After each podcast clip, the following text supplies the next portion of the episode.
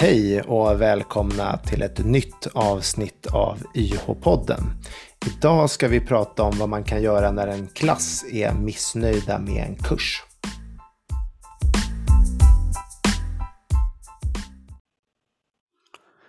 Och vi som är här idag är som vanligt Tobias Landén och eh, jag Pelle Israelsson.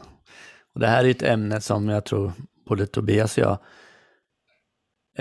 brinner lite för och, och eh, framförallt varit med om så många gånger.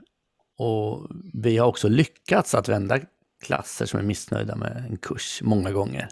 Vi har samlat på oss många metoder under åren för att ja. det, det händer ju nästan hela tiden skulle jag säga. Ja, man kan ju fundera på vad är det som gör att någon blir, en klass blir missnöjd med en kurs. Då? Det kanske man kan börja snacka om lite.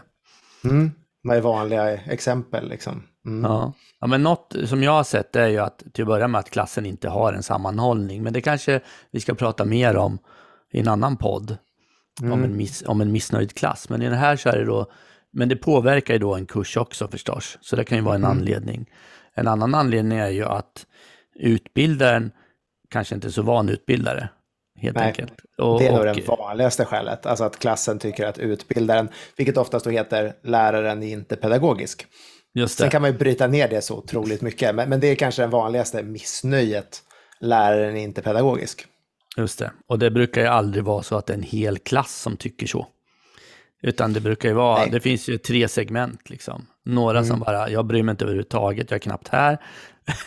Några, ja. jag är alltid här och gör allt jag ska och jag fokuserar på mitt, min utbildning. Jag, det kvittar vem som står och undervisar. Och så finns det de som vill lägga energi på det här, att utbildaren inte tillräckligt passar mig, eller något sånt där. Mm. Säger jag lite översiktligt eh, kanske. Men... Jag kan vända på det hållet. Jag brukar prata om det också. Det är så här, utbildning, utbildaren lär inte mig det jag ska lära mig istället för jag lär inte mig det jag ska lära mig, vilket mm. egentligen borde vara uttrycket för det. Sen kan man ju prata om att läraren ska stödja i det. Men, men, de där som förväntar sig att man sitter som en passiv mottagare och att den här ultrapedagogiska föreläsaren ska, ska se till att man lär sig. Mm. Den är vanlig, att, att det men eh, förväntningarna på lärsituationen är otroligt olika mellan, för, eller, mellan klassen och vad läraren levererar i alla fall. Den, ja. Där skär det sig ju i nio fall av tio, skulle jag säga. Ja. Sen finns det ju andra lägen. Jag tänker att jag har varit med om att de kan vara missnöjda med att de tycker att kursen inte passar i deras utbildning överhuvudtaget. Att de inte är missnöjda med läraren utan de bara inte förstår varför ska vi läsa affärsmannaskap eller varför ska vi läsa projektledning eller någonting som de inte ser nyttan av för sin yrkesroll. Det har ju mm. hänt några gånger också. Framförallt när jag varit på utbildningsledarsidan att man får mycket kritik för att de har en kurs som de inte tycker att de ska läsa. Ja, och, och svaret är att ledningsgruppen bestämmer vad som är i kursen. Eh, ja. men men, men eh, ja, men där känner jag igen väldigt mycket också faktiskt. Att eh, det är de här förväntningarna som måste liksom upp på banan för att det inte ska hända, skulle vi kunna säga. Nej. Det finns ett par udda fall kan jag väl tycka också när det är så här, det är jobbigt att den här kursen går över jul utan jullov och alltså så här praktiska missnöjen. Men de brukar ju, vara lättlösta, eller där brukar det finnas acceptans. Liksom. Det, det, går inte att göra så mycket åt när det väl är planerat. Men, så de kanske vi inte behöver prata så mycket om. Det är väl mer de här, ah, varför ska jag läsa kursen eller varför är min lärare inte pedagogisk? Det är väl där ja. vi ofta hamnar i jobbiga missnöjen. Ja, verkligen. Det är det ju. Eh, och jag funderar på eh, om man ska... Vi har ju lyckats vända de här klasserna Många gånger ska jag säga. Jag, jag, mm. jag skulle nästan kunna säga nu för tiden att vi misslyckas inte nu för tiden med Nej. att göra det alls. Nej, och när vi kör klasser själva så vet vi vad vi ska göra i förväg för att vi inte ens ska mm. hamna där. Man, man märker ju signalerna i små, små grejer väldigt tidigt så att man kan fånga upp det. Men vi har ju gått in till klasser vi inte har varit ansvariga för och vänt dem några gånger. Eh, så vi vet ju hur man gör det också, när man kommer in när det redan har brakat ihop. Liksom. Ja. Och det ställer lite frågan, vem är det som tar hand om en sån här klass som är missnöjd med en kurs? Mm. Eh, för om man är missnöjd med en kurs, då är det väl troligtvis inte utbildaren som står i klassrummet, för då är det ju något som inte har funkat, som du sa förut, mellan mm. utbildaren och klassen, eller några i klassen. Det kan ju räcka med några starka röster. Mm. Eh, utbildningsledaren borde ju kunna ta ett step in här och försöka vända den här klassen. Mm. Men alla gånger så funkar inte det heller, har vi märkt Det är därför du, det är då vi har kommit in. Ja, som någon slags till. förmedlare, en, en konfliktlösare mm. i det här. För att oftast mm. har det ju blivit en, kanske lite av ett ingrodd konflikt eller att parterna inte pratar med varandra på, på samma sätt. Eh, mm. Fast egentligen har man en gemensam, det finns en gemensam lösning som alla kan acceptera. Men det är ju som, som vilken diplomat som helst som kan komma in. Den rollen har ju vi tagit några gånger och liksom trasslat ut problemet. Mm. Men kan vi inte bara snabbt spåra tillbaka, jag tycker du brukar säga en bra sak som är, men när en klass är missnöjd så ska de ju alltid gå till sin lärare först och komma med feedback innan de går till sin utbildningsledare. Och jag upplever att det här oftast blir ingrott för att de rundar utbildaren och börjar prata skit om lektionerna eller om materialet direkt till utbildningsledaren. Och då hamnar man ju som utbildningsledare i en tuff sits. För man vill ju inte varken bekräfta eller dementera eller sådär. Och så måste man börja gräva och prata med utbildaren och så hinner det här gro in sig. Att, att feedback-looparna går mm. fel. Alltså att det, det, och så kommer det en missnöjd person som tjatar jättemycket att, det, att man inte har fått det att sitta. Det ja. tänker jag också är en, en liksom. Ja, och, och att eh, i det här fallet som utbildningsledare som jag ser görs mycket fel ute hos anordnarna, det är att, att, att eh, utbildningsledaren tar part för klassen. Mm. Eh, och, och då, kan man, då brukar jag säga, om du gör det som utbildningsledare, då kan du lika gärna byta ut läraren. Eller utbildaren, mm. eller vad vi nu vill kalla den. För då har, du, då har de gått runt utbildaren och du har tagit på dig apan att lösa det här. Och då finns inget förtroende mellan klassen och utbildaren kvar längre. Nej. Så man måste ju hela tiden som utbildningsledare egentligen göra så att eh, eh det är inte du som har problemet, utan det är ju klassen och utbildaren har problem mm. med varann, kanske. Och det är ju där man måste ta den här diskussionen. Men det lyckas ju inte heller jämt. Utbildningsledaren är ju inte i klassrummet hela tiden och ser allt som händer, så då får man ju andrahandsinformation av upplevelser som har varit i klassrummet, både från lärare och från klassen. Och så ska man agera på det och då är det väldigt svårt att, att börja lita mer på den ena parten eller andra eller ta ställning för en part. Um, utan man får hamna i en, en rent konfliktlösande, förmedlande roll och se till att samtalet uppstår mellan lärare och studerande så att det kan lösas. Ehm, det tror jag vi båda är överens om och har oftast hamnat i. Sen kan man ju behöva hjälpa till att trassla ut det här, att förstå men vad är exempel på, på saker som inte funkar, vad är ni egentligen missnöjda med?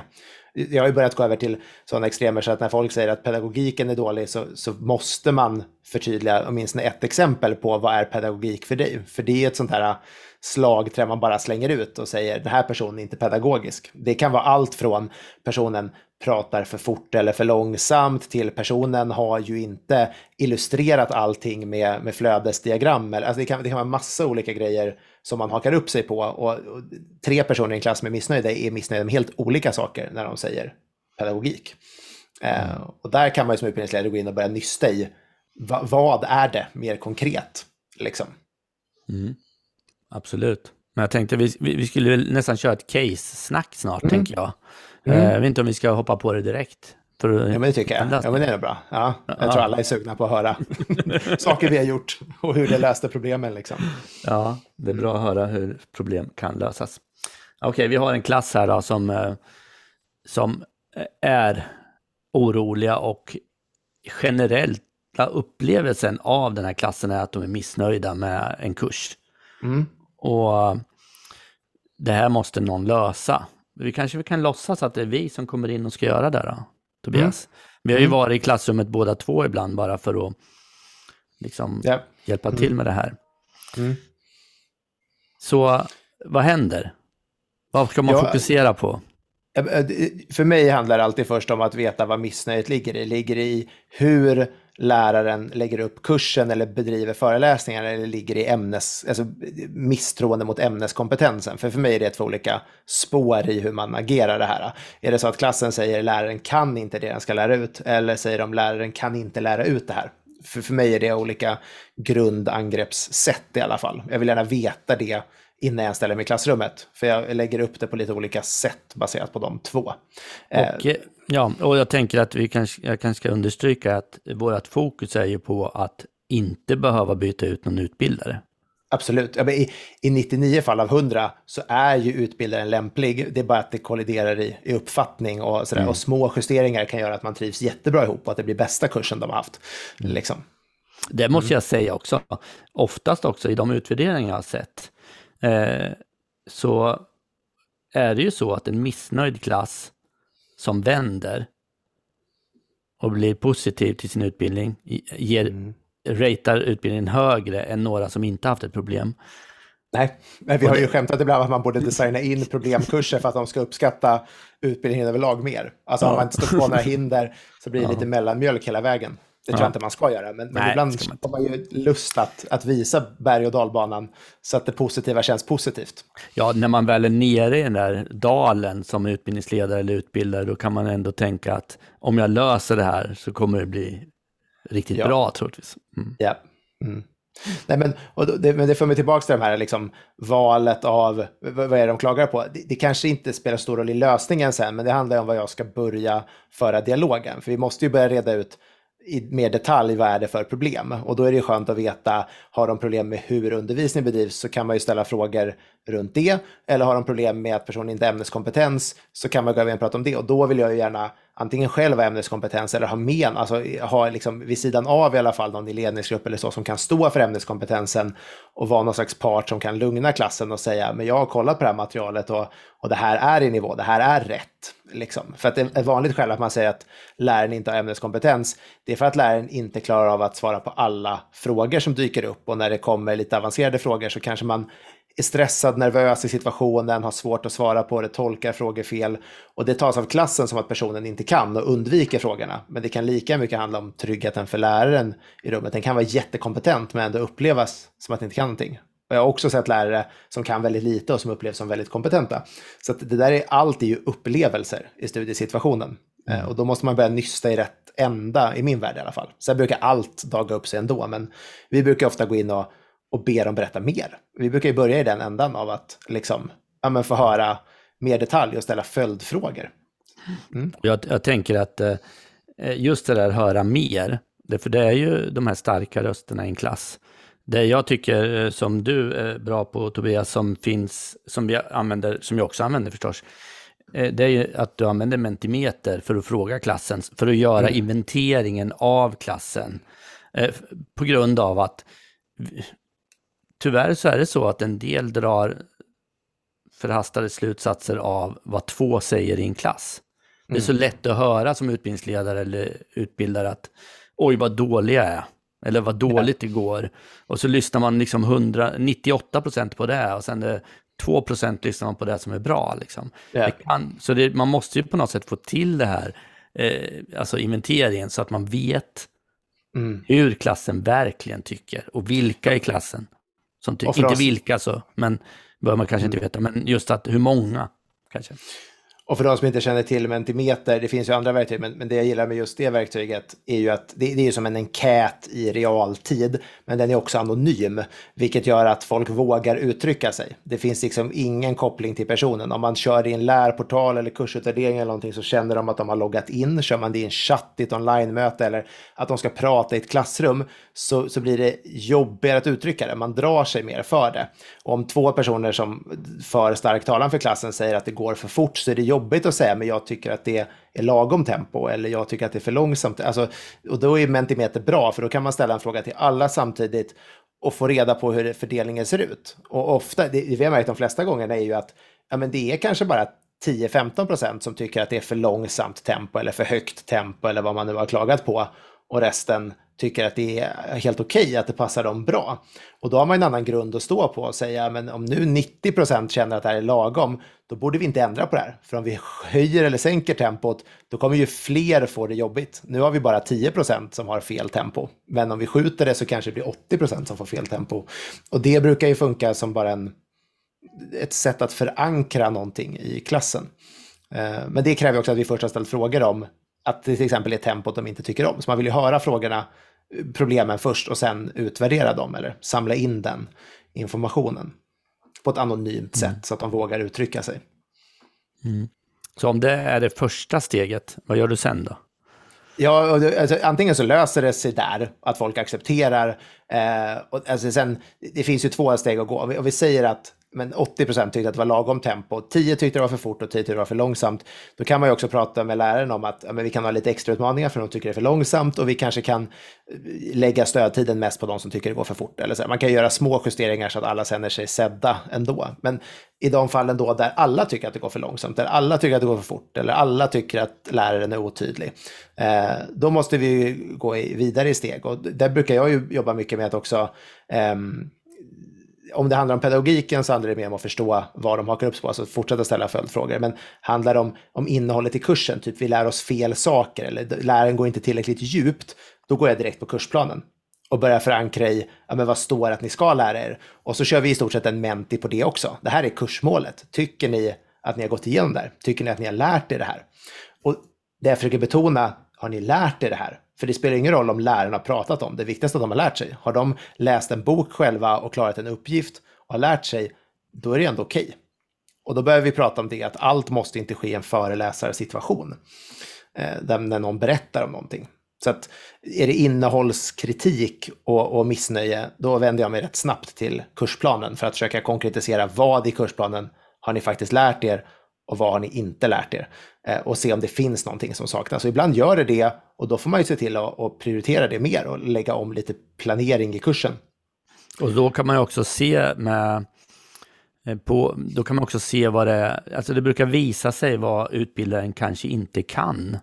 Mm. Lite för sent förstås, men det kan ju mm. vara så att något kursmål, att utbildaren kanske inte har hållit sig till kursplanen hundraprocentigt. Och då kan Precis. man faktiskt antingen se till att det blir gjort med den utbildaren eller att då det sätts in extra undervisning ja. eh, på, med någon annan föreläsare helt enkelt. Ja, eller att man hittar andra resurser de kan lära sig via. Det finns mm. ju, I de flesta områden finns det ju åtminstone böcker, men det finns ju ibland också jättemycket fritt material på nätet och då kanske någon i ledningsgruppen som kan det här kan kvalitetssäkra och säga det här är en bra resurs gör den och så designar vi en uppgift och så får man göra den som egen studier. Det är ju ingenting någonstans som säger att läraren, den som bedömer det, måste ju kunna det. Så vi måste ju ha någon som rättar det momentet. Men, men, det är inte säkert att den läraren måste stå och prata om det. Det är inte säkert att någon måste stå och föreläsa om allting. Och det där är olika svårt i olika klasser beroende på vad de är vana med. Eh, så då kommer vi tillbaka till hel klasskultur och sånt där som vi inte ska hålla oss till idag. Det får bli en egen podd. Men, men eh, det viktigaste är att inventera. Vi pratar egentligen om många steg av inventering och titta på det här. Eh, och det här är ju ändan av kursinnehåll. Har vi ändan av lärarens metodik och kursupplägg så är det ju samma typ av inventering, men då måste vi istället gemensamt förankra åtgärder som kan vara liksom vi skulle uppskatta om läraren summerar i slutet på varje dag vad vi har gjort i korta drag. Då är det bara att bestämma att vi gör det och så kommer läraren göra det. Nästan alla föreläsare vill ju ha handfasta tips, vill ju ha idéer på hur man kan göra. Och det kanske inte är så att det löser problemet, men bara genom att klassen får komma med feedback och påverka upplägget så lugnar allting ner sig.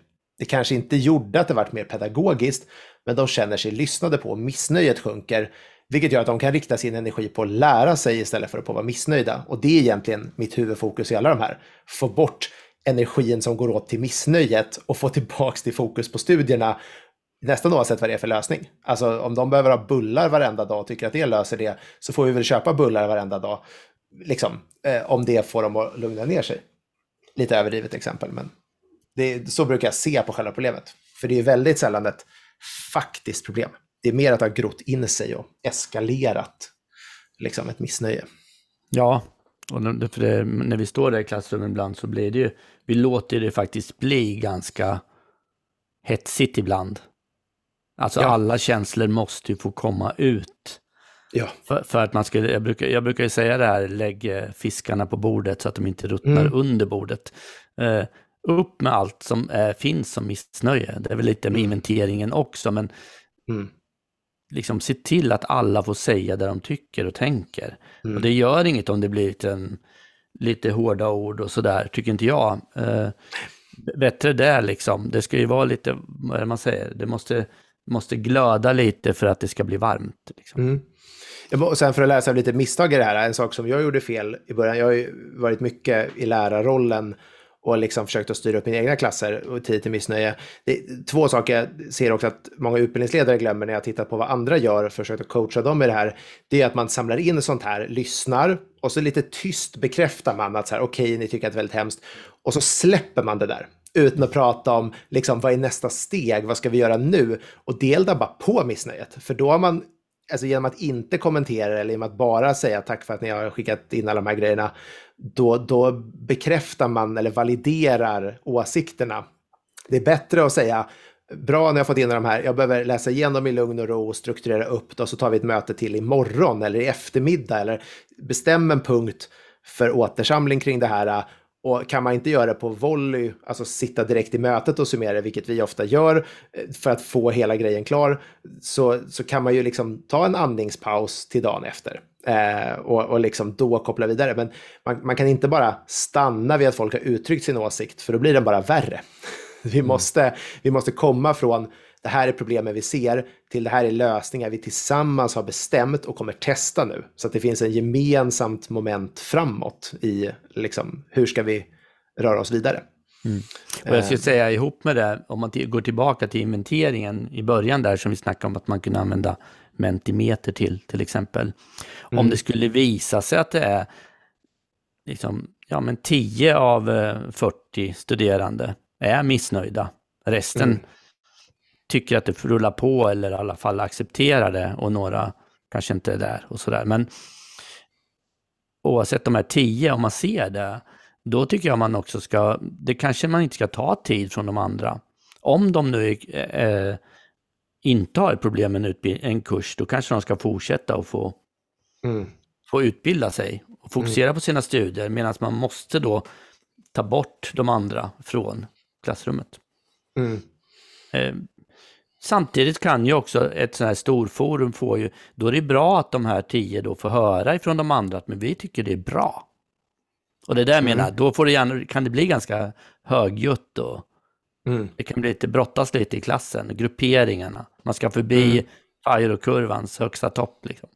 Ja, Nej, och det är ju så mycket grupppsykologi och det är så mycket, alltså i mitt huvud så handlar ju nästan allt lärande om viljan att lära. Och det här är ju ett, ett, stort hinder i viljan att lära. Om man har bestämt sig för att någonting är ett problem så fastnar man i det och vi måste ju trassla upp den knuten. Och som du säger, de, de som inte har den knuten, de som fortfarande har viljan att lära, de kanske vi skapar ett problem hos istället. Eh, jag, jag, brukar ju ofta säga att de som känner, alltså inventering är bra att alla är med på så att vi ser vad alla tycker. Och sen efteråt kan man ju säga, ni som känner er intresserade att diskutera lösningar, ni får gärna vara med vid nästa tillfälle. Och det är ju ett skäl att bryta upp till flera tillfällen och, och ta in de som, som då känner att de har ett problem. Och vill liksom, eh, att man uppmanar de som tyckte att det var för högt eller för lågt tempo eller för lite ämneskunskap eller vad det nu var, att, att de kommer till nästa.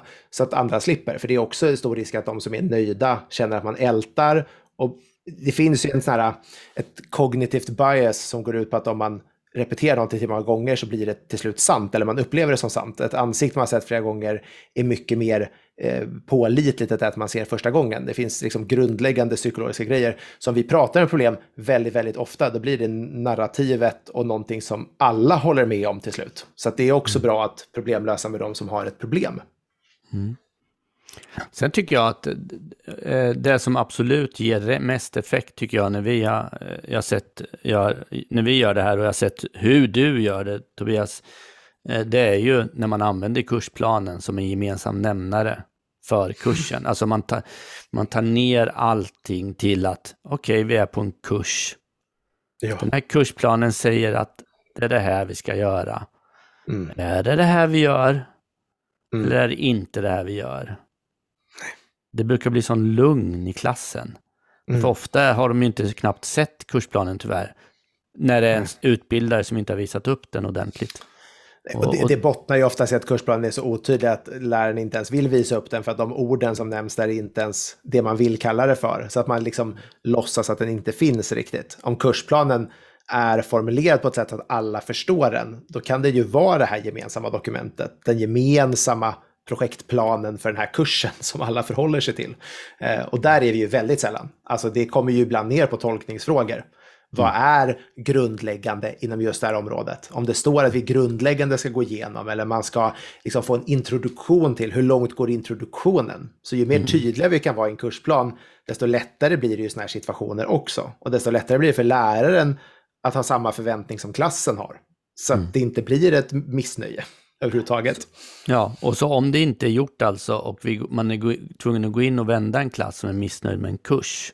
Mm. Om man då tittar på kursplanen och den är flummig, då, mm. då är vad man kan göra är ju att man tillsammans definierar målen. Ja, ja. Gärna ihop med ledningsgruppen så att de är med i, ja. i det också. Eh, eller någon från ledningsgruppen, alltså så mm. att man har någon part utanför. Eh, tycker jag. Men, men, men, mm. ja, men absolut definiera eller förtydliga. Och jag har ibland fått gå in som ämnesexpert och säga det här är mina tolkningar. Jag har jobbat i den här branschen, så här ser jag på saken. Liksom, och så se om andra accepterar den. För att det är ett, mm. en väg framåt också. Men eh, man, kan inte, man kan inte använda den här metoden om det är för, för flummigt. Om det, om det är för otydligt i kursplanen så går det ju inte för de studerande att självvärdera om de har nått fram. Och det går inte för läraren att svara på, har jag gått igenom det här? Eller har vi lärt oss det här? Eh, så att tydligheten är ju verkligen A och O för att liksom komma till kärnan i de här konflikterna. Mm. Precis. Men, men eh, ja, det här, bara för att liksom pendla över till andra sidan av det, om det är pedagogiska utmaningar, eller det som kallas ofta för pedagogik, så finns det ju ofta liksom samma spridning i att en del av klassen upplever det som svårt att förstå, en del inte gör det. Och där bör man ju vara väldigt försiktig med att om vi ändrar i metodiken hur läraren gör, för lärare vill oftast ändra på sig. De flesta som utbildar på YH har inte en, en pedagogisk utbildning i grunden, utan ser det här som sitt lärande i att lära ut också. Eh, och då vi börjar ändra i saker för fort så kan ju det också tippa åt fel håll så att det blir dåligt för andra. Så där skulle jag vara lite försiktig med att bara ha med dem som, som är missnöjda. Liksom. Eh, var lite mer ja, försiktig, kanske ändå tänka på det, men, men eh, vi måste ju säga att vi bestämmer att vi ska köra massor av kortare lektioner och det leder till att flera studerande inte kan vara med för att vi ändrar i schemat med kort varsel och de behöver jobba eller liksom hämta på förskola eller någonting, då kanske vi sätter många i en sämre studiesituation för att hjälpa några få. och Så, där. så det är en balansgång och det är där vi ofta får sitta i att ja, men, väga insatser mot effekt. vad, vad händer om vi gör det här? Och liksom inte bara låta två, tre stycken få alla sina förändringar igenom, för det kan ju förstöra för 30 andra. Mm. Just det. Och jag, jag, jag tänker på att eh, man ska fokusera på lärandet och inte på pedagogiken. Alltså den mm. individuella, min, om ja. jag är studerande, mitt lärande ska jag fokusera på och inte på hur pedagogiken är. Nu Nej. sitter ju med branschfolk som kommer in och eh, har jag förväntningar på att det ska vara en, eh, en pedagog av dess like, liksom, då kommer jag bli besviken. Så, vi, så man måste ju få klassen att fokusera på vad är det jag måste få till med den här kursen? Ja. Och det är därför jag tycker det är så bra med kursplanen. Att ja, men här står det vad ni ska ja. lära er. Och, och det kvittar om han pratar för fort eller för sakta eller hon är liksom inte så aktiv utbildare eller är hyperaktiv. Liksom. Det, det har inte med det att göra, utan det har ju med att göra vad är det den här personen säger? Hur kan jag ta till mig det? Och då måste man hjälpa de studerande att kunna förstå att det är där de ska vara. Och då kan vi falla in på min egen sådär, tanke så fort någon säger läraren är inte pedagogisk, efter att ha coachat igenom väldigt många lärare och löst sådana konflikter, är ju det en person som säger att någon inte är pedagogisk är egentligen säger de den här personen motiverar inte mig till att lära mig de här sakerna. Precis. För det faller tillbaka på motivation. Och, och, det gör ju att ibland har jag tänkt att vi behöver bara människor som kan motivera andra. De behöver inte ens kunna ämnesområdena. Vi behöver bara ha någon som motiverar folk att göra sina studier för det är i praktiken det som behövs. Om, om studiematerial och liksom egen studie går att bedriva så behöver vi bara någon som motiverar. Det är inte riktigt sant, men, men oftast handlar det om det. Och det är också en av de jobbigaste egenskaperna som lärare att träna upp för att man själv känner sig osäker i situationen. Man är där för att leverera kunskapen, inte att motivera andra. Eh, men det man kan lära sig, och det är oftast där det liksom, jag upplever att det brister när man pratar pedagogik, att personen måste komma in och vara mer glad eller entusiastisk över det den lär ut eh, är viktigare än hur fort den pratar eller hur uppgifter är formulerade och sånt där. Um, och, och, det kan man jobba med. Men, men mm. den kan vara svår att som studerande komma till insikten av att när jag vill ha någon pedagogisk så vill jag egentligen ha någon som håller mig motiverad till att bedriva mina studier. Eh, och där kan man också som utbildningsledare väga upp lite av det och liksom vara den motiverande parten genom att säga sådana saker som du precis sa, att de också måste fokusera på det själva och hur kan du lära här och vad, vad har du för nytta av de här sakerna och att liksom påminna om kursplanen och så kan läraren få vara hur torftig som helst och lära ut sina grejer. För det funkar ju på typ universitetet och högskola. Mm. Jag ska inte säga att alla universitet och högskoleföreläsare är omotiverade, men det finns en högre grad av fakta, tungt prat och mindre motivation där. Och där finns motivationen i att klara sina studier, i att få pussla ihop sin examen, i att göra vissa moment. Så där har man ju designat in det i utbildningsformen på ett annat sätt. I YH mm. har vi inte den flexibiliteten att välja sin väg själv. Man har en väg och då måste vi hålla alla motiverade på den vägen, vilket jag tycker faller tillbaka lite på utbildningsledaren. Och det kan man, man behöver inte gulla med en klass för det. Man, man, man kan bara vara tydlig, men vi måste skapa den löpande motivationen hela tiden. Mm. Verkligen motivera de studerande, helt enkelt. Jag tycker det är, bra, bra sagt. Eh, jag tror att vi kommer eh, säkert ha en del två med liknande ämne. Eh, mm. Ja, vi kan prata om proaktiva åtgärder och då ja. hålla hela klassen nöjd hela tiden så man inte hamnar ja. här. Det Just behöver vi det. prata om. Det, måste det känns som en given del två. Ja, men vi får nog sluta, avsluta idag. Ja, det gör vi. Mm. Tack ja. för idag. Tack, tack.